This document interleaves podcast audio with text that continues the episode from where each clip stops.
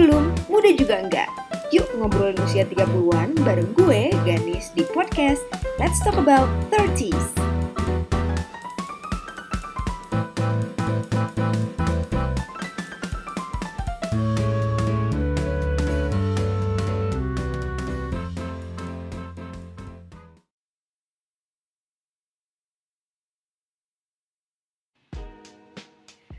Semuanya, balik lagi sama gue Ganis di Let's Talk About 30s.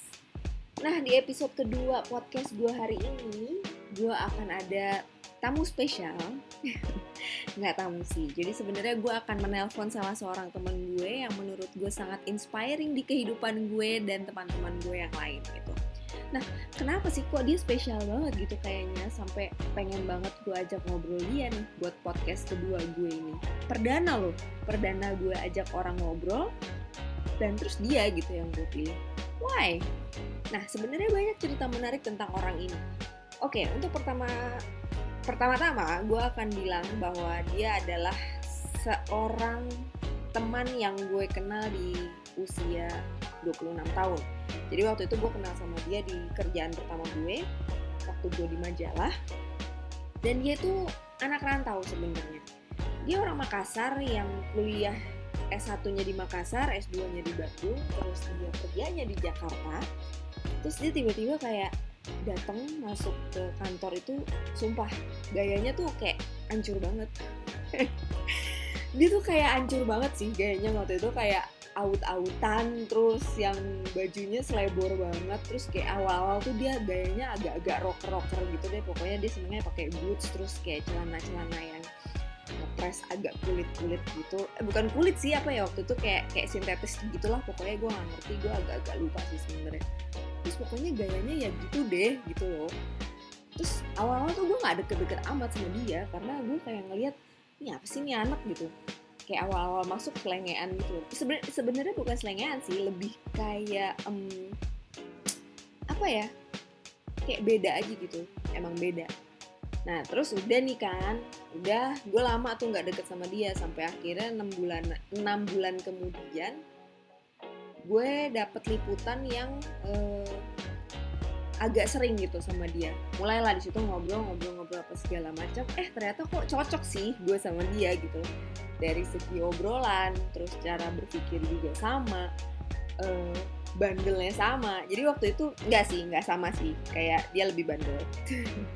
Ya kan Sal lebih bandel. Nah jadi dia tuh namanya adalah Sali.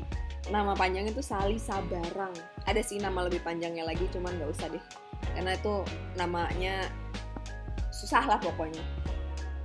Nah jadi dia tuh kayak dulu adalah salah satu temen gue yang ancur-ancuran bareng lah pokoknya udah party bareng terus minum bareng terus kayak nongkrong sana kemari juga bareng. Dan gue dulu tuh duduknya sebelahan banget sama dia jadi kayak ada apa-apa sama dia gue langsung tahu. Ada apa-apa sama gue dia langsung tahu. Dan setannya nih setiap hari Kamis atau mulai hari Rabu nih masih hari Rabu. Kayak dia udah ngintip ke meja sebelahnya gitu kan ke meja gue sis ini kan kita dulu dulu kalau manggil sister sis uh, besok mau ke mana? Mau minum gimana kita?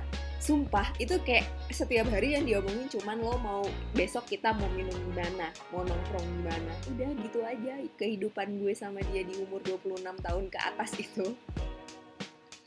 Sampai akhirnya uh, ada satu momen di mana memang waktu umur kita udah 30 dia berubah banget. Jadi kenapa gue ngerasa dia itu sangat inspiring? Karena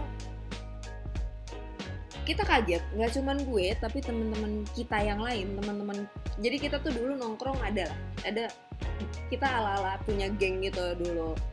Uh, salah satu vicious circle gue gitulah zaman dulu pokoknya ada lah itu. Katro lah pokoknya tapi seru. Nah jadi kita tuh uh, gue dan teman-teman gue kayak ngelihat perubahannya dia yang sekarang tuh kayak kita bingung gitu kayak gue nggak nyangka loh orang ini tuh bisa berubah sampai kayak gini. Karena kita tahu banget dia dulu gimana hancurnya dia gimana selengean aura-auranya dia gimana tiba-tiba dia bisa jadi orang yang benar-benar sukses banget hard worker terus dipercaya sama kantornya untuk jadi uh, orang yang karirnya naik terus sampai dia jadi salah satu orang yang disayang banget sama bosnya gitu. Dan perusahaan tempat dia kerja ini sekarang itu bukan perusahaan kecil menurut gue tuh cukup besar ya. Dan dia sekarang kerja di retail.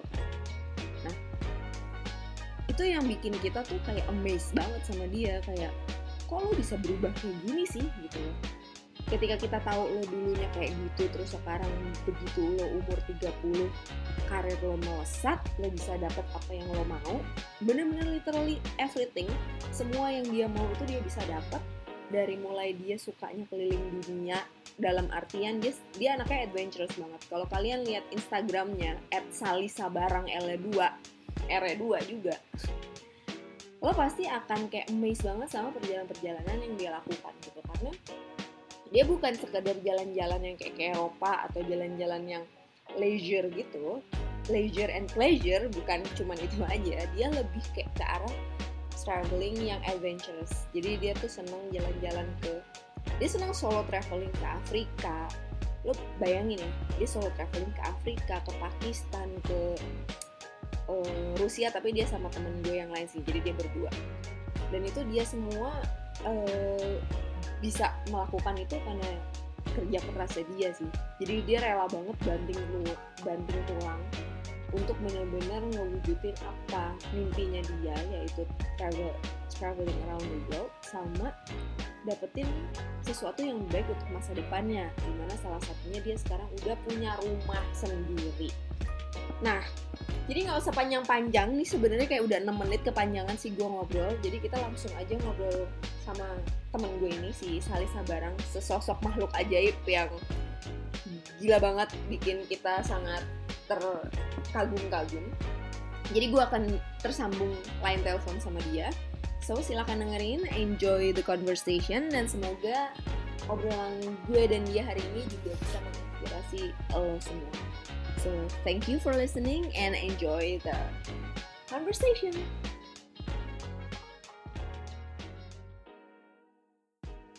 Halo. Hai. Hai. Beb. Iya, lu. Lagi ini nelpon lo mau bikin oh, baik. podcast. Ini gimana sih cara edit? Apa? Gimana sih cara editnya? Lo udah ahli ya? Mantap. Uh, gue udah ngulik semalaman ya terus kayak oh ternyata begini bikin podcast. Kayak oh gampang celah oh iya pantesan langsung launching tuh. Apa? Pantesan langsung launching tuh. Asli. Iya jadi tuh jadi, kayak intinya kan temanya eh tema podcast gue kan lah apa let's talk about tertis kan ya nah, jadi kehidupan kehidupan yang ada yang lo hadapin di usia lo di 30 usia 30 hmm, nah kita kan sekitarnya kan, kita kan waktu 20s nih, waktu late 20s kan kita sempat bersama ya, kayak nah. happy-happy bareng gitu. Yeah. Waktu umur-umur 26, 27. Nah, kita tuh kayak sering banget ngobrolin kok kita zaman dulu nggak mikirin karir ya kayak nggak mikirin tabungan nggak mikirin duit atau segala macem kayak ya udah yolo aja lo happy happy aja gitu. Iya. Nah ketika umur 30 apa sih yang lo rasain mm, berubah gitu loh dari dari lo yang dulu nggak mikirin apa-apa gitu nggak mikirin masa depan tabungan gitu. Sampai sekarang lo lo kenapa bisa sampai kayak gitu sal? Karena setahu gue dan temen-temen kita gitu lo tuh dulu orangnya nggak gitu gitu. Kenapa lo sekarang tiba-tiba kayak fokus gitu? Apa yang merubah lo gue juga jadi dulu tuh di usia gue bandingin ya gue totally gue ngerasa emang gue berubah banget. Gue menjadi pribadi yang sangat kayak berubah berubah antara ketika umur gue di 20-an dan 30-an jadi di usia gue yang 20-an seperti yang lo tahu kayak gue tuh gak mikirin masa depan. Kayak party tiap hari kayak minum tiap hari terus habis itu nongkrong tiap hari semuanya dicoba lah ya di umur 20-an minum tiap bahkan hari. karir bahkan bahkan bahkan di usia 20-an itu gue nggak memikirkan karir ya nggak sih? Kayak gue nggak memikirkan investasi. Jadi semua misalnya gaji gue jadi uh, semua gaji yang gue dapat pada saat itu itu tuh bisa gue habisin untuk kayak nongkrong sama teman-teman gue dan sebagainya. Ya kan? Paling kayak gue sisihin buat jalan-jalan. Mentok tuh tabungan habis. Gue rasa kayak semua temen-temen gue juga pada saat di umur 20-an kayak hampir sama sih merasakan. Kayak experience-nya sama. Tapi ketika udah menginjak 30 gue tuh gue nggak tahu kenapa ya gue kayak uh, sempat berpikir kayak kenapa ya uh, gue kayak mesti belum harus kayak slow down dikit memikirkan masa depan gue gitu. That's why gue udah mulai memikirkan kayak gue harus berkarir nih gue harus berkarir gue punya banyak goal dalam hidup gue. Karena kayak sejak umur ya 29 kayaknya ya hampir menuju 30 sebenarnya gue punya kayak nulis goal-goal gue dalam hidup tuh apa aja gue pengen tra traveling ke mana-mana aja terus kayak uh, gue pengen punya sebuah investasi Hmm. hmm. Jadi akhirnya Oh lo investasi. Tapi kan ya tapi kan nggak serta merta maksudnya investasi misalnya kayak beli rumah atau beli kendaraan kan hmm. Eh, nggak hmm. uh, serta merta gue pengen hari ini terus habis itu besok bisa jadi karena gue kan gue kan bukan anaknya Bakar ya Bo. Gue bukan ya Ramadhani. Jangan jangan sebut nama nih ngomong-ngomong. Iya. Ya udah ya apa-apa. Siapa juga yang mau dengerin ya kan? Embur jadi gue bukan gue bukan ya Ramadan yang uh, hari ini gue mau besok ada. Hmm. jadi uh, gue harus planning. Ketika gue punya keinginan gue harus apalagi keinginan lumayan gede ya menyangkut uh, menyangkut duit dan sebagainya. Investasi kan bukan perihal kayak duit duit sejuta dua juta. Ya sih? Maksudnya kalau beli mobil kalau beli tanah beli rumah kan kayak itu lumayan uh, duitnya. Jadi kayak gue kita harus gue berpikir oke okay, gue harus punya uh, planning uh, misalnya starting starting uh, starting tahun depan atau bulan depan gue akan kayak mulai uh, uh, memikirkan karir gue karena karena menurut gue um, duit yang gue dapat itu hanya hanya dengan karena gue kan nggak ada usaha hanya dengan karir doang. Jadi bagaimana gue nge-build karir gue yang bagus biar gue dapat duit dan gue bisa investasi gue bisa keliling uh, ke luar negeri traveling ke dalam negeri juga gitu nah tapi gimana nih maksud gue kan um, yang gue tahu lo waktu itu karir itu lo sempet ninggalin zona nyaman lo kan setelah enam tahun iya. enam iya. enam tahun kan ya lo di ini uh, ya benar gue dulu ya. kerja di majalah kan dan itu kayak zona nyaman gue banget tapi gue berpikir gue sempat bosan dan waktu itu gue pernah coba uh, pindah ke retail karena gue pengen hidup gue lebih bagus. Ini ya karena kayak ada offering yang lebih bagus lah. Bukan berarti kayak kerja di majalah nggak ada offering yang lebih bagus. Cuman pada saat itu mungkin kayak gue juga mentok di majalah gitu-gitu aja. Maksudnya kayak nggak ada promosi dan sebagainya. Akhirnya ketika ada tawaran yang lebih bagus gue ambillah tawaran itu. Di kerja di retail um, setahun pertama tuh gue banyak beradaptasi sih. Gue belajar banyak hal uh, yang gue bangga dari da, dari diri gue walaupun gue udah tua ya. Maksudnya kayak pada saat itu gue udah kayak 29 atau 30 gitu. Gue gue tuh nggak berhenti mau tahu. Jadi kayak gue terus mau tahu gue nggak mau kayak gue nggak mau kayak gue nggak mau belajar. Jadi gue harus belajar. Jadi itu menurut gue salah satu uh, yang bikin karir gue lumayan cepat naik hmm. Gitu.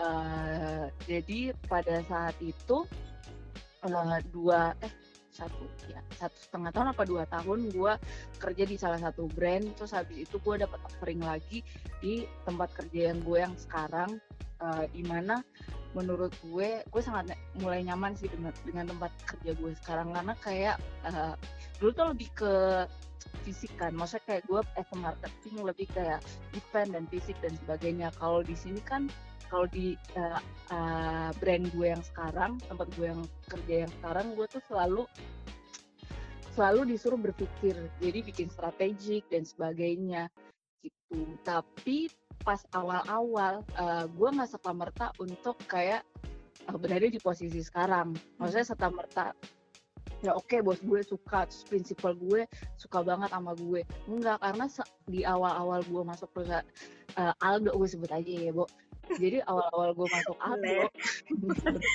akhirnya ya keluar juga tuh nama brandnya. Jadi pertama pertama gue masuk Aldo gue tuh nggak tidur. Maksudnya kayak bahkan eh, semua teman gue mungkin yang akrab sama gue bahkan pacar gue pun bilang kalau gue tuh kerja banget anaknya. Jadi event weekend itu walaupun weekend gue tuh tetap kerja gue tuh kayak berada di depan laptop gue satu kali 24 jam di bulan lima bulan pertama Eh tapi bulan sebenarnya deh, sebenarnya ini sih yang pengen gue tanyain juga sama lo. Jadi dulu kan sejak gue kenal sama lo dulu gitu ya di kerjaan kita di majalah dulu sama yang sama yang sekarang itu kan emang lo tuh berubah banget ya. Maksudnya kayak lo dulu suka kerja, gue juga tahu lo suka kerja, lo weekend gitu. bahkan suka kantor waktu itu kan hari Minggu lo suka dulu ke dulu kantor. tuh pas di majalah gue tuh suka kerja ya Iya, cuman tuh makanya itu maksud gue tapi suka kerjanya lo yang waktu dulu di majalah itu beda banget sama ketika lo di di retail gitu loh. Yang gue lihat kayak ketika lo di retail tuh lo semakin yang kayak bener-bener waktu itu ya waktu awal lo kayak malah Hmm. kayak nggak peduli gitu loh kayak apaan sih tuh istirahat gue harus kerja kerja kerja kayak lo bisa begadang yang kayak jam 2 lo masih buka laptop atau jam berapa. Nah sebenarnya apa sih yang bikin lo tuh kayak segitunya banget gitu? Kenapa tiba-tiba lo jadi hardworking banget? Terus kayak gue nggak tahu sebenarnya yang lo kejar tuh apakah ilmu baru yang pengen lo tahu? Atau kayak karir yang bisa ngebawa lo ke tingkat yang lebih tinggi maksudnya ke jabatan yang lebih tinggi atau penghasilan lo yang lo pengen bisa lebih banyak gitu. Tiga apa yang bikin lo jadi workaholic kayak waktu itu gitu loh?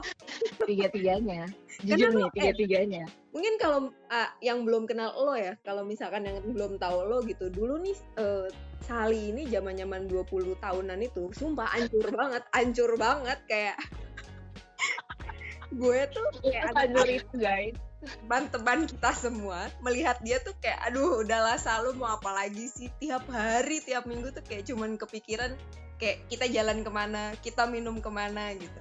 Tiba-tiba dia berubah jadi individu atau se- seseorang yang kok dia melesat jauh banget nih? Tiba-tiba sukses banget udah bisa mencapai apa yang dia mau. Nah itu apakah itu semua yang bikin lo turning point lo untuk merubah cara hidup lo terus lo jadi seperti sekarang dengan jadi workaholic atau gimana? Enggak sih eh, jadi jadi gue pernah jadi waktu itu gue balik ke kampung gue kan sebenarnya. Terus melihat kalau gue sukses sukses nih. Kayak mereka bisa melakukan apa. Sedangkan gue ya gini aja. Sedangkan umur gue 29 sejak itu gue udah mulai kayak merencanakan masa depan gue gue mesti ngapain dan sebagainya. Gitu. Tapi actually yang gue cari sebenarnya eh, kenapa gue workaholic ya tiga tiganya karena eh, as a human eh, mungkin ada orang yang emang kayak kalau kalau dia nggak tahu ujung-ujungnya kayak gue kayak gue nggak tahu ah, pasti gue bisa tahu. Jadi kayak tapi kan kalau kita nggak sehari dua hari lo langsung tahu kan. Jadi kayak lo ada proses belajar dulu terus memahami dan sebagainya banyak tanya terus kayak eh, banyak belajar nah itu salah satunya yang bikin gue eh, pas awal-awal di Aldo lu lihat gue kayak eh, jam 3 malam gue belum gue belum buk- eh, tutup laptop masih kerja dan sebagainya.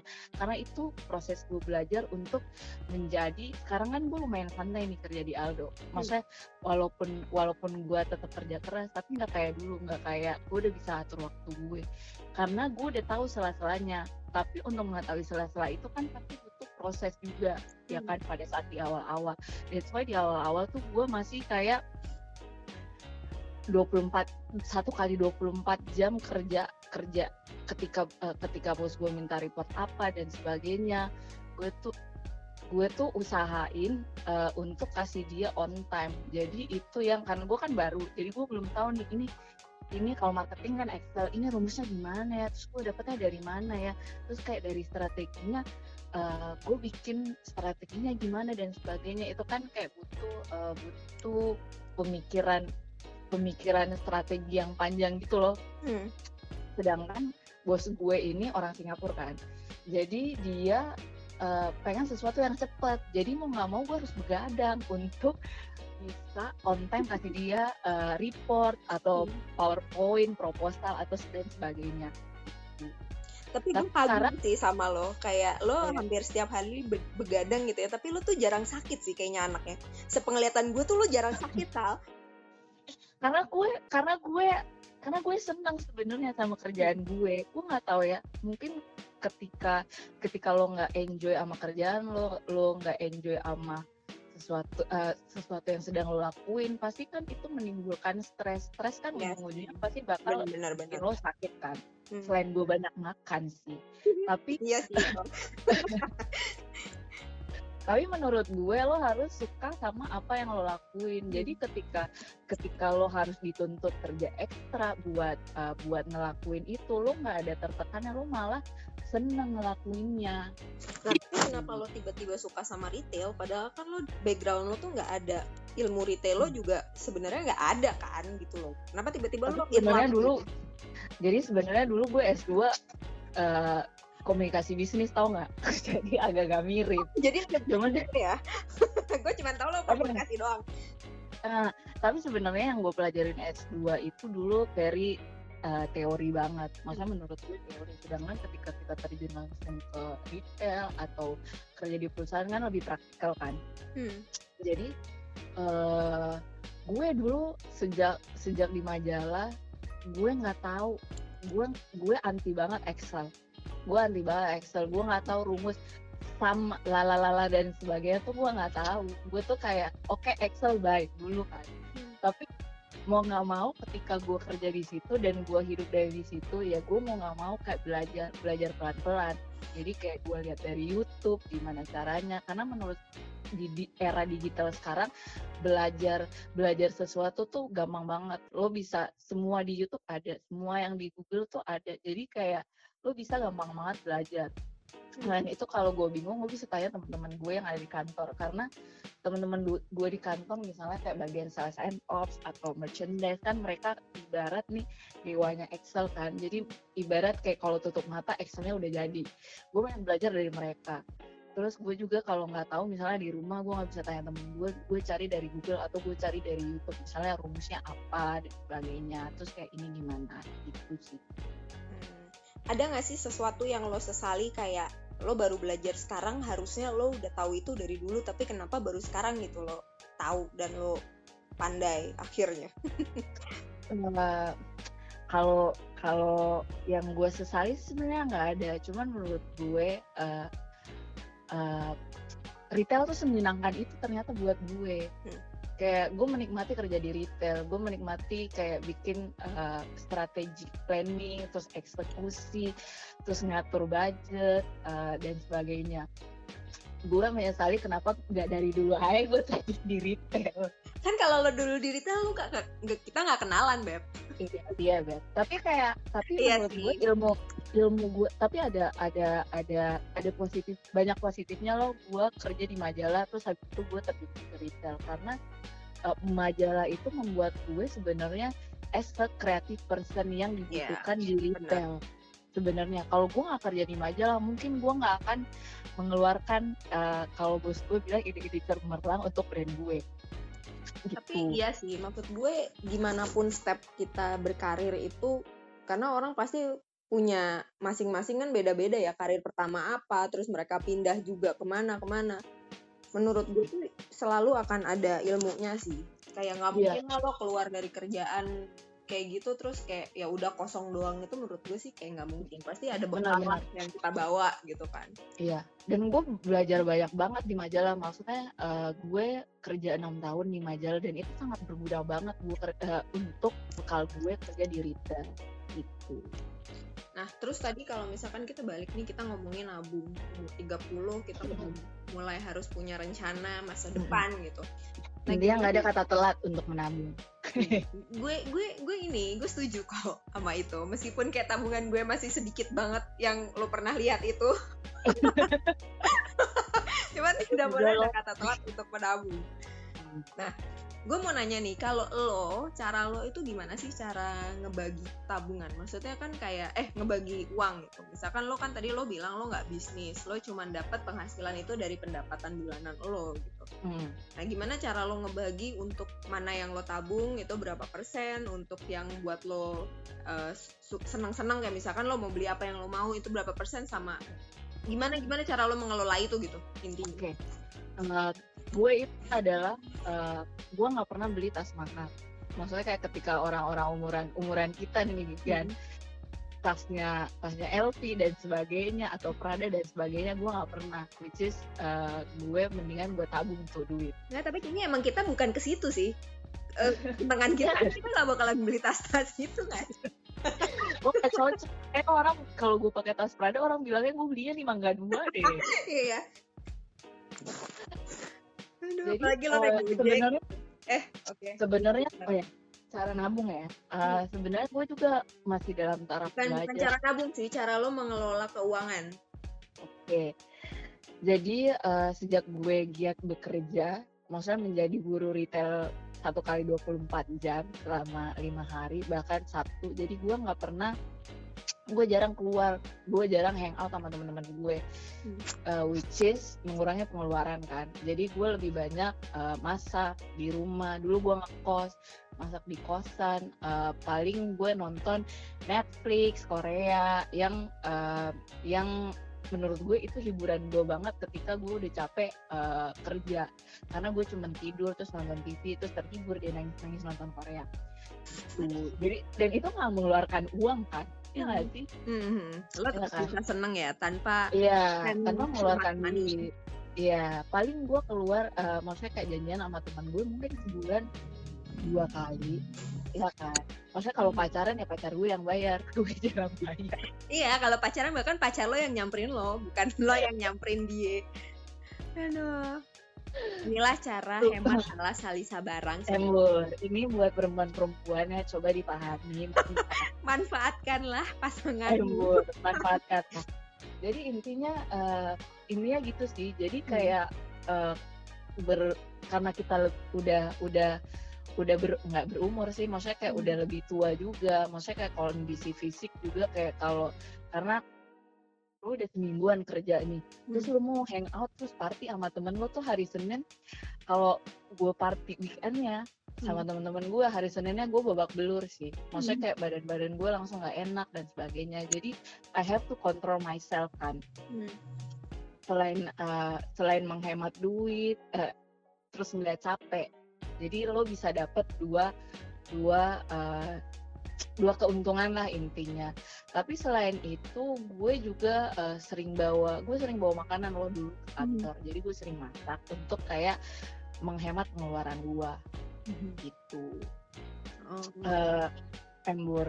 Terus gue sering milih kosan yang deket dengan kantor gue. Jadi gue sisa jalan Oh gitu ya. Jadi kayak nggak usah pakai duit transport, nggak usah terlalu juga Iya. gede-gede banget gitu. Uh-uh. Jadi kan lumayan kan. Maksudnya kalau lo Hmm. transfer misalnya Gojek dan sebagainya kayak kali 30 hari itu kan lumayan bisa beli apa, bisa beli tiket ke mana ya kan. Iya sih. Nah dari Sama Dari- gue nggak jajan nggak terlalu banyak jajan sih sebenarnya. Gue tipikal orang yang nggak terlalu banyak jajan. Mungkin sebulan paling gue beli satu sepatu. Tapi sekarang udah jarang banget. Eh gue beli, maksudnya sejak gue pindah ke retail tuh gue jarang gue jarang belanja. Gue jarang beli baju. kalau gue rasa gue sih jarang bukan kalau gue rasa lo bukan nggak suka jajan sih, tapi jajanan lo tuh berubah. Sekarang lo jajannya tanaman, Iya, peralatan lebih murah. peralatan dapur. Lo jajanan lo berubah. Bukan lagi Iya, gimana dong? bukan Ya. lagi apa gitu kan. Ya itu harus gue kontrak. Mm-mm. Gue punya rumah, gue jajan gue, gue nggak pernah beli baju dan sebagainya. Jadi kayak gue lebih kayak mengisi rumah, kayak eh, jajan tanaman, jajan kayak nabung-nabung dikit, terus kayak jadi meja kerja, nabung-nabung dikit jadi meja TV gitu. Nah, dari misalnya dari kebiasaan lo yang akhirnya berubah gitu ya, lo udah bisa manage keuangan lo dengan baik gitu. Apa sih yang lo rasain yang akhirnya bisa kayak, oh ternyata ketika gue eh, lebih hemat gitu, gue lebih bisa mencapai apa yang gue mau gitu. Eh, apa aja sih yang akhirnya lo bisa capai gitu di usia 30-an dan dengan eh, lifestyle lo yang serba hemat ini gitu. Selain lo udah punya rumah kan.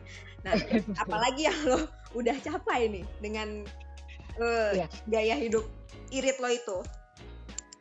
Sebenarnya nggak nggak gue nggak irit-irit banget. Kadang ketika gue misalnya gue sekali karena gue jarang keluar sama teman-teman gue kan. Jadi Hmm. kayak misalnya gue keluarnya sebulan sebulan dua kali lah atau tiga kali.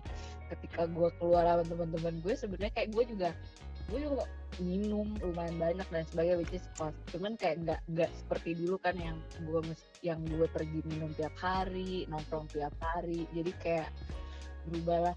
Banyak sih maksudnya kayak hmm, gue bisa melihat gue bisa nabung terus habis itu eh, sekarang bisa beli rumah beli kayak walaupun eh, walaupun kayak kecil-kecil gue bisa beli kayak eh, meja TV dan sebagainya tiap bulan. Cuman I have to control juga karena kayak part dari itu kan gue ada cicilan juga kan cicilan rumah. Jadi kayak gue harus manage uh, duit gue nih misalnya salary gue segini uh, segininya untuk cicilan terus segini yang bisa gue jajan terus segininya yang gue mau tabung. Jadi kayak ada pos-pos alokasi tiap-tiap uh, uh, tiap bulan yang mesti gue manage. Tuh misalnya ini buat jajan oh ini buat minum nih sama teman-teman oke ini buat nongkrong sama Ganis. Gitu. Apa ya? Padahal ketemu jarang Sumpah kayak jarang banget kayak setahun bisa kayak cuma tiga kali. Bye. Nggak juga sih lo lebay deh Eh, iya ya. Kadang-kadang sebulan lebaran eh dua bulan sekali apa-apa lah. iya sih nggak sih Iya. Terus eh, apa namanya? Eh, pertanyaan juga nih kayak sebenarnya di umur 30 ini apa sih target terbesar lo gitu loh. Kayak apa kalau masih punya target lagi? Ya jelas sih sebenarnya maksudnya hidup Ada, ada. selalu akan ada target. Nah, target terbesar lo tuh apa sebenarnya? Ada ada ada jadi eh, jadi eh, gue suka banget sama retail kan semoga bos gue nggak denger ya jadi sejak pandemi ini gue menganalisa wah retail nih babak belur nih kalau pandemi kayak gini kan jadi gue mesti mencari sesuatu bidang yang kalau pandemi dia bisa juga menghasilkan uang which is FMCG jadi target gue selanjutnya adalah belajar marketing FMCG terus gue mau daftar di FMCG karena apa tuh? Apa tuh? Nggak ngerti nih. Kita kita kurang ngerti. Oh, FMCG tuh kayak Unilever, P&G, eh, Danone. Lo lihat deh, maksudnya itu kebutuhan kayak Oh, yang company yang menjual eh, eh, kebutuhan-kebutuhan primer. Jadi Iya, iya, mau lo pandemi dan sebagainya tetap laku, sabun, lo tetap Iya sih, iya sih. Maksudnya kayak Maksudnya kita kayak meskipun Danone, at home, gitu. kita kan selalu beli kebutuhan pokok gitu kan, Iya, kayak sabun, shampoo Iya, gitu-gitu. Oh, betul, oke. betul, betul. Jadi gue kemarin menganalisa kan eh, kayak apa ya, kayak karena kerja di retail itu kan kebutuhan, maksudnya sepatu. Sekarang gue jual sepatu atau mungkin nanti tas dan sebagainya baju itu kan kebutuhan bukan primer kan, Sekunder. iya Tersier malah kadang. tersier, kebutuhan tersier. Eh, apalagi sekarang kayak ketika lo nggak bisa keluar rumah, kapan lo mau beli sepatu, mau pakai apa? Sepatu di rumah? Hmm. Iya kan, jadi kayak gue gue uh, berpikir kayak I have to mencari sesuatu yang ketika orang pandemi dalam keadaan apa pun dia tuh tetap laku, tetap dibu- tetap dibeli sama masyarakat, ya kan. Jadi gue ber oke, berarti gue harus belajar marketing uh, FMCG nih, biar uh, gue bisa nanti masuk daftar FMCG ketika ketika bekal gue bekal gue udah uh, uh, oke, gue berani untuk melamar ke perusahaan-perusahaan uh, FMCG karena itu kan perusahaan gede dan market dan pengolahan duitnya tuh lebih banyak kan. Dan menurut gue pasti kayak strateginya lebih kompleks dan sebagainya. Jadi gue harus belajar ketika karena ketika gue interview gue nggak gagal Apa sih itu singkatannya FMCG? Um, aduh um, um, tunggu ya gue buka dulu Nah, di Apa mana ya? Dari gua tadi dia ngomongin, dia sendiri kagak tahu panjangannya. Aduh. Food, eh, bukan ya? Food. gue lagi buka laptop nih fast moving consumer goods Apa-apa? F-nya? fast moving Oh. fast moving consumer goods Oke, fast moving consumer goods. Oke. Uh-uh. yang namanya fast moving jadi kayak barang yang cepat laku Hmm, karena kayak ya tiap bulan pasti lo beli kayak sabun sampo itu Tapi kan iya pasti sih. lo beli apalagi kalau menurut gue ya kalau perusahaan kayak gitu kan uh, lo tuh nggak kenal kelas. Kalau misalkan kayak retail lo yang sekarang kan kelas-kelas tertentu aja yang beli. Gitu. Iya, menengah dari menengah sampai menengah ke atas. Kalau FMCG itu berarti dari kalangan kelas bawah pun akan beli. Siapa sih yang yeah. butuh sabun? Siapa yang nggak butuh kayak sabun cuci deterjen? Susu dan sebagainya. Iya kan? Maksudnya kayak itu adalah barang-barang yang tetap dibeli dalam keadaan apa pun. Iya benar-benar jadi lo sudah prepare susu, for misalnya kenapa misalnya susu nih apalagi hmm. masalah pandemi ini orang kan tetap mau sehat jaga kebugaran kan hmm. malah mereka justru pasti lebih laku menurut gue hmm. Ya kan? Lu bisa bayangin nggak keuntungannya Detol sekarang berapa? Iya, dia bahkan habis di pasaran ya Wipol, Wipol, Baiklin, Detol tuh tiga itu tuh. Apa kemarin gue pikir, aduh gila nih, yang punya Detol nih uh, menuai menuai pohon uang nih. Oh gitu ya. Kalau kalau anak retail mikirnya ke situ. Kalau kita tuh mikirnya kayak cuman iya Detol habis. Kalau lo tuh mikirnya kayak wah berarti dia keuntungannya berapa nih ya? Oh, oh iya. gitu ya. Sebel. ya sampai sampai segitu mungkin karena kayak karena jiwa-jiwa retail ya, Bo. Karena kayak gue banyak belajar banget uh, di usia 30 ya, gue uh, jangan jangan stop belajar menurut hmm. gue. Karena gue suka banget sama bos gue sebenarnya. Karena dia ngajarin gue banyak hal. Dari gue yang mungkin tahu dikit doang soal retail sampai yang sekarang dulu mungkin gue tahu 10% sekarang mungkin dalam tahap 50% jadi kayak gue banyak belajar terus kayak dia dia mau diajak konsultasi dan sebagainya. Tapi, jadi pemilihan bos yang bagus juga tuh harus tau gak kalau lo pindah ke FMCG lo berkhianat beb. Sama ya, bos gimana? lo dia udah baik masa coba. Masa depan gimana ya kawa oh, aduh aduh. Tapi iya sih. Berarti lo tuh sangat ini ya futuristis. Pemikiran lo Enggak juga sih. jauh ke depan gitu Enggak eh, juga tapi, tapi dulu eh tapi dulu di di umur 20 tuh kayak bedanya gue nggak berpikir nggak berpikir sama sekali. Hmm. kayak uh, depan ke depannya gue mau ngapain ya? Ya gak sih? Dulu ya, tuh kayak kayak sih lo nggak nggak pernah mikir dulu. Kayak aduh duit habis gimana nih? Ya kan? Sekarang sekarang kan kayak wah nggak bisa nih kayak gini gue mesti gini nih ke depannya gue mesti belajar ini biar biar goal gue bisa kecapai. Karena ke depannya gue karir gue mau ke sini gitu. Pokoknya satu momen yang gue nggak akan pernah lupain ngabisin duit sama lo itu adalah ketika kita ada di minum di Gimana? apa bahkan nama bahkan bares udah nggak ada. Uh, yang di Senopati apa tuh namanya? Pride eh Pride kan ya? Yang mana sih?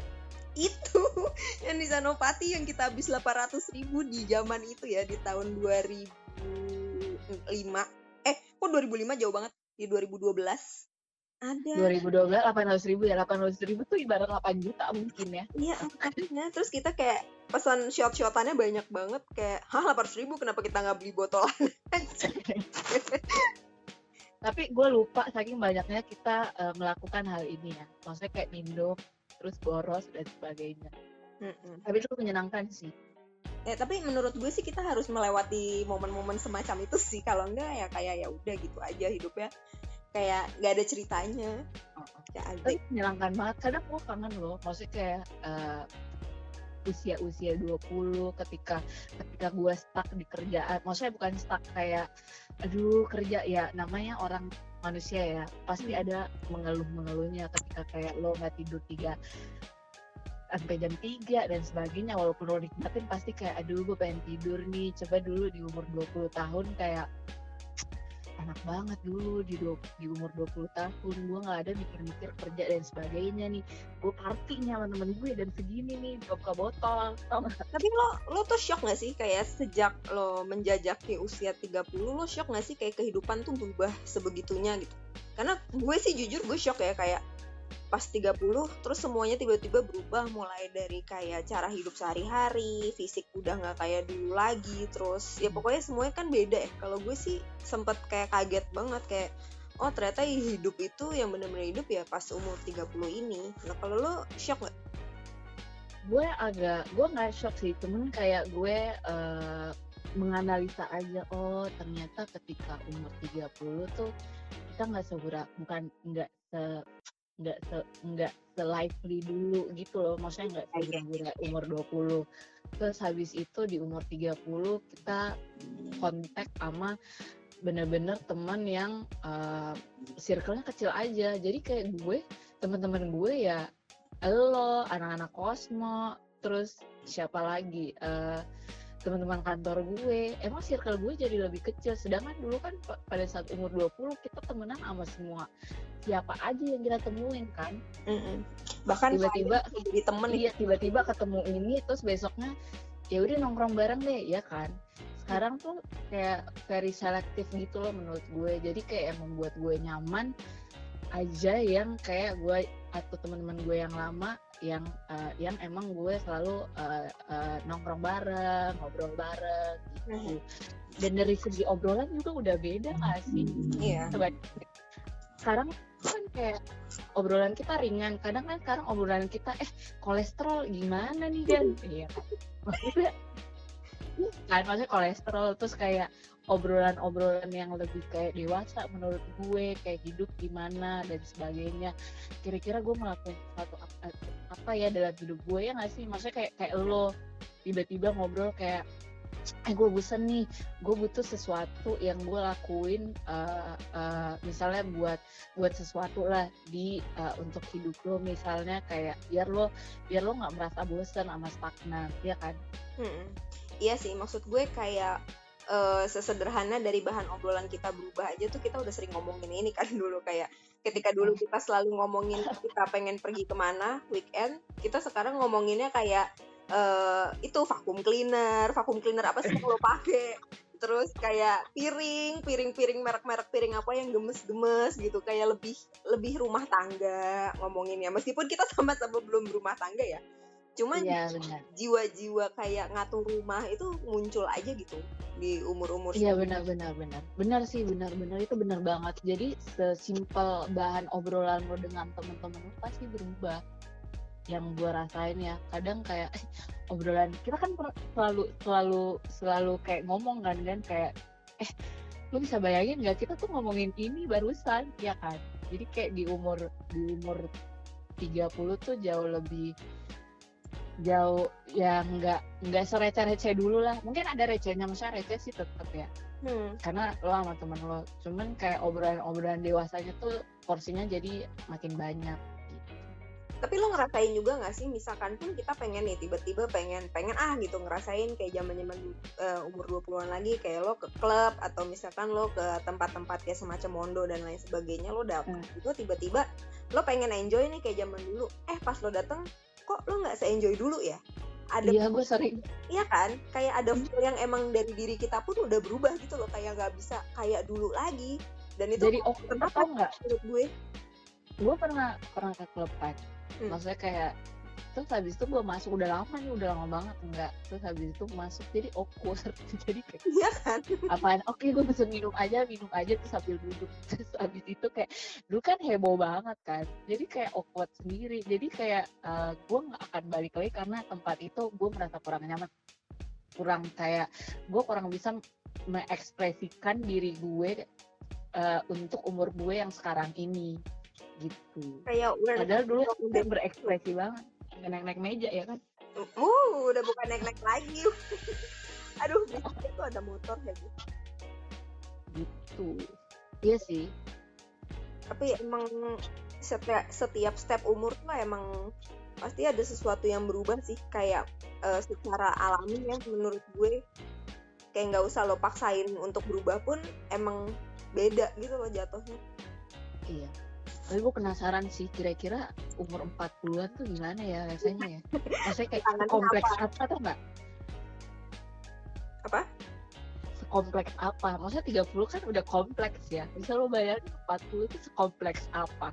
50 nah cuman kalau kata orang tuh biasanya 40-an kayak uh, middle 40s itu kita tuh akan ngerasa muda lagi gitu loh karena mungkin kita udah stressful nih di 30 kita tuh udah pengen belajar untuk menjadi orang dewasa yang seutuhnya udah mm. pengen membijaksanakan diri sendiri nah tiba-tiba di umur 45 ke atas kita udah bosen lagi tuh kayak ah mau have fun lagi ah gitu makanya kan ada yang namanya ini tuh apa namanya puber kedua Nah, pubertas oh, iya, iya. kalau buat cewek-cewek sama cowok-cowok tuh biasanya 45 sampai 50-an.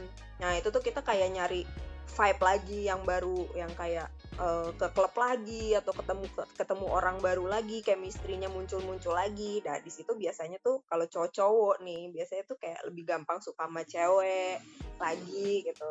Gak tau lah. Lingkup maksudnya ya? Iya. Maksudnya kalau yang punya istri lingkup gitu ya? Enggak ya, cuman kayak takut aja gak sih? tapi tantangannya pasti akan ada sih kayak gitu kan hidup mungkin kalau iya mungkin kalau orang yang udah punya anak mungkin di umur 20 kayak kompleksitasnya tuh lebih ke anak lo kali ya asik ya bisa jadi. Karena mungkin mungkin kalau umur segitu anak lo mungkin udah kalau udah yang berkeluarga udah mulai remaja udah mulai yang kayak struggling banget anaknya tuh harus kayak diarahin kayak gimana gitu. Hmm. Nah, kalau untuk yang anaknya mungkin belum gede atau misalnya mas yang masih single, menurut gue mungkin di umur itu tuh kayak waktunya menuai apa yang lo tanam sekarang sih. Kayak misalkan lo kan gila-gilaan nih sekarang ngerjain retail, ngerjain apa segala macam lo bener-bener yang kayak belajar hal baru sampai lo akhirnya nanti sampai di puncak misalnya umur 40-an nih ya udah lo kayak tinggal menikmati apa yang lo udah usahain banget gitu loh makanya lo tinggal kayak have fun have funnya gitu. Lo udah tinggal menikmati gitu. Enggak ya beb. Gue juga berharap gitu sih. Iya kan? eh tapi yang uh, kita kan sama-sama single nih kan hmm. jadi gue pengen penasaran aja kayak uh, karena mostly awal kayak teman-teman kita kan udah nikah kan bahkan hmm. kayak ada yang punya anak. Hmm. tapi kayak geng-geng Cosmo sih mostly belum nikah ya. Belum nikah atau belum punya anak sih. Kalau geng Cosmo tuh belum nikah atau belum punya anak. Temen kita punya anak banget yang punya anak, punya anak. Tapi kayak ada beberapa juga yang belum nikah jadi kayak gue ada temennya. Uh, tapi kan mostly kayak misalnya gue balik Makassar temen gue tuh udah pada nikah di semuanya hmm. gitu. Hmm. dan sebagainya. Kayak lu merasa ketika umur lo 30 lu merasakan as uh, orang awkward nggak? Uh, di lingkungan lo di antara kayak uh, uh, teman-teman lo yang udah nikah, punya anak, berumah tangga. Karena gue merasa kayak kenapa kadang gue uh, kadang gue males balik Makassar ya karena kayak banyak orang berpikir bahwa kayak goal goal goal perempuan ya di umur 30 tuh salah satu pencapaian adalah menikah menurut gue. Eh, maksudnya kayak banyak orang berpikir sedangkan gue kan enggak ya. Maksudnya kayak uh, mungkin mungkin bukan sekarang mungkin kayak beberapa tahun lagi yes mungkin gue berpikir untuk nikah dan sebagainya. Untuk sekarang enggak. Cuman ketika gue balik kayak orang tuh kayak kenapa sih lo nggak nikah? Kenapa sih uh, gue jodohin apa? Gini gini dan sebagainya gitu. Lo merasa menghadapi awkward moment seperti ini juga nggak? Di as a single woman di umur 30 kalau gue ada sih, sebenarnya pasti ada ya. Apalagi kayak sekarang kan gue tahun ini 34 gitu. Terus gue ngelihat teman-teman dekat gue uh, sebenarnya hal yang paling bikin awkward adalah saat teman-teman terdekat gue sih yang akhirnya menikah gitu. Kalau waktu kayak masih setahun yang lalu, kayak misalnya masih ada lo, masih ada Matt, masih ada kayak uh, ya anak-anak buk bukber itu kan semuanya pada belum nikah jadi gue santai-santai aja gitu. Tapi sekarang Matt udah nikah. Iya sekarang Matt udah nikah terus Tenya udah nikah bahkan udah punya anak. Terus kayak teman-teman gue juga yang kayak beberapa bulan lagi tuh mau lamaran. Itu teman dari SMA gue. Nah itu gue juga jadi mulai mikir nih kayak hmm, sebenarnya ada sih di diri gue gue pengen nikah gitu. Cuman yang bikin awkward ya itu. Kayak waduh teman-teman dekat gue kok semuanya kayak udah punya kehidupan masing-masing gitu. Karena ketika kita belum nikah kita nanti sendirian sal gitu. Kita nggak bisa lagi dong main sama mereka kayak zaman itu dulu gitu ya kayak bebas ketemuan. Nggak bisa gitu. Nah cuman kalau misalkan dari sisi lo yang kayak misalnya orang-orang di Makassar kayak terkesan menekan lo untuk menikah kalau gue rasa mungkin kalau dari pemikiran adat gitu ya atau misalkan traditional mind gitu mungkin mereka lebih mikir ke uh, apa ya kalau perempuan tuh kan makin tua katanya Image, lebih reproduksi. Iya lebih susah nah. punya anak atau misalkan le bukan lebih susah sih maksudnya lebih beres beresiko nah mungkin mereka lebih mikirnya ke arah situ gitu loh untuk keturunan apa segala macam gitu. Beda sama sedangkan gue kan nggak bisa dipaksa anaknya kan. Maksudnya kayak gue kayak gue punya pemikiran sendiri akan misalnya kayak uh, konsep kayak nikah gitu dan kapan saat yang tepat untuk nikah dan sebagainya kan hmm. uh, bukan berarti karena gue beda agama iya curhat. Karena emang belum aja nanya-nanya nih kita nggak bahas-bahas itu. Karena kayak karena menurut gue gue di di 30 awal karena gue kan masih kayak 32 atau 33 gue bahkan lupa umur gue sekarang 33 kayaknya. Ya lo 33 beb. Gue 34 nah. tahun ini. Terus habis itu uh, uh, karena gue lagi sibuk dan seru-serunya dengan karir gue hmm. jadi gue emang benar benar-benar mau fokus dulu sama karir gue jadi kayak untuk untuk hal lain dulu gue tekan dulu nih gitu sedangkan ketika ketika gue balik Makassar kadang kan orang tua keluarga tante dan sebagainya eh nyokap bokap gue sih gak pernah nanyain ya hmm. maksudnya keluarga, atau teman-teman lo yang maksudnya udah nikah dan punya anak pasti kayak kenapa sih lo nikah atau dan sebagainya gitu. Jadi kayak ada awkward aja sih. Kan lu udah tua cong gitu kayak emang kenapa hmm. sih udah tua? Nggak nikah apa sih? Nah kalau di keluarga gue itu anehnya ya di keluarga gue itu emang kayak udah semacam tradisi gitu loh. Sebenarnya hmm. sih bukan tradisi cuman jadi kayak uh, keluarga nyokap gue tuh semua nikahnya tua.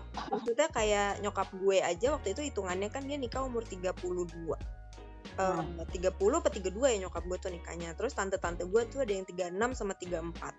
Gitu. Jadi emang di keluarga nyokap gue itu nikahnya semuanya di atas 30 perempuannya. Hmm. jadi gue nggak ngerasa terlalu kayak pressure gitu loh kalau di keluarga gue. Cuman hmm. gue lebih pressure yang di teman-teman gue sih. Kayak hmm. ya kok udah pada nikah sih? Gitu. Paling itu doang. Karena menurut gue nikah itu kan juga sebenarnya pilihan ya gitu loh. Bukan sesuatu yang bisa lo paksain karena saat dipaksain dan kita sebenarnya belum siap dan belum serak ya pada akhirnya malah akan jadi bumerang gitu. Betul, betul. waktu itu pun waktu itu pun kalau misalkan gue nikah uh, umur 26 gitu waktu yang kalau dulu misalnya jadi nih gue nikah umur 26 curhat ya? Curhat. Jadinya area, arena curhat ya emang ujung-ujungnya selalu seperti ini ya? Kenapa ya? Kalau misalkan pun dulu gitu gue nikah di umur 26 terus uh, waktu itu tante gue juga bilang uh, yang psikolog kalau hmm. misalkan hmm. kamu dulu nikah mungkin mungkin sebenarnya kamu malah belum siap gitu.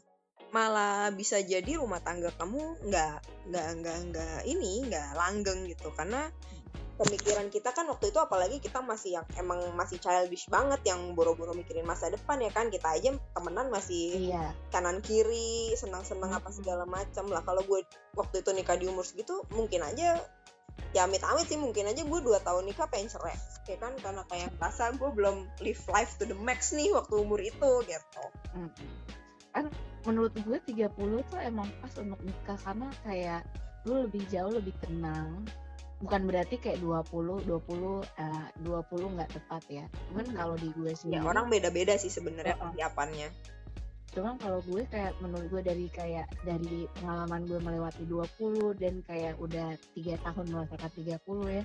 Jadi kayak emang di 30 tuh lu jadi pribadi yang lebih tenang. Maksudnya dalam mengambil keputusan, dalam memikirkan plus minus sesuatu gitu. Hmm. Jadi jadi uh, untuk keputusan-keputusan besar uh, seperti menikah, karir dan sebagainya tuh pasti lo pikir-pikir dengan sangat-sangat matang mm gitu. Itu dari gue, yang gue nggak tahu dari dari mungkin kayak beberapa orang kan fase-fase hidupnya beda-beda ya. Mungkin yeah. kayak ada yang merasakan um, bisa mengambil keputusan dengan segala perhitungannya tuh di usia 20 karena kayak mostly ada teman gue juga di 20 dia kayak udah settle dan menikah terus karirnya bagus dan sebagainya ada ya temen gue. Dia nikah umurnya 21 waktu itu dia nikah. 20 apa 21 gitu. Jadi 21 sumpah sumpah dia muda banget. Nah cuman emang uh, suaminya itu tajir banget. Sumpah suaminya tuh kaya banget gitu. Jadi kayak ya udah dia kayak udah settle nikah umur 21 sekarang anaknya juga udah kayak SMP apa segala macam ya udah gitu. Dan dia berarti kan udah siap gitu ya. Nah itu kan kayak hmm, beda sih, beda banget sama kita itu loh. Kayak oh. mungkin kita juga misalkan pun gue ketemu cowok yang sekaya raya itu terus diajak nikah umur 21 belum tentu gue mau juga sih gitu.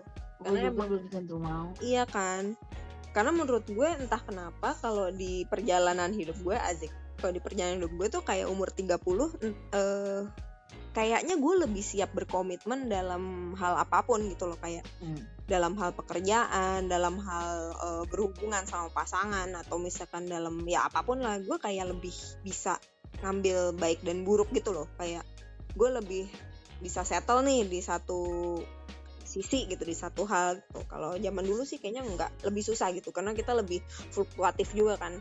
Emosi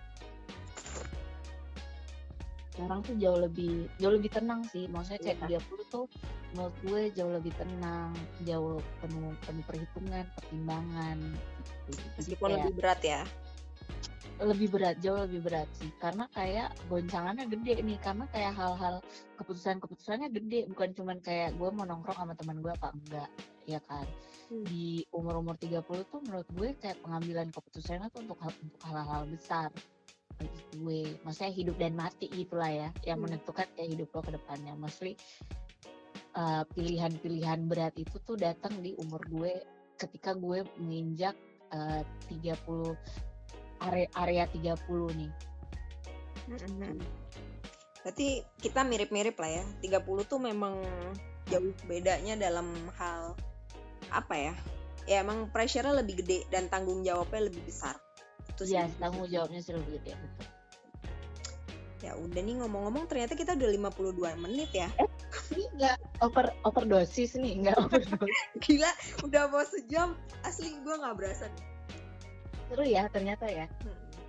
Ternyata menyenangkan ya ngobrol-ngobrol begini. Gue nanti mau iya. ini ya nanya-nanya kayak gue pengen nelfon Jia gitu nanya-nanya love life in 30 tuh gimana sih? Ih, Jia, Jia tuh Jia Jia tuh love life sama zodiak udah. Gak sumpah gue penasaran banget gue pengen ajak dia untuk ngomongin love life in Turkish. Ih, Jia banget. Itu Jia banget. ya kan? Aduh. Ya udah deh Beb kalau gitu. Okay, ya udah. Thank you Beb. Dadah. Nah.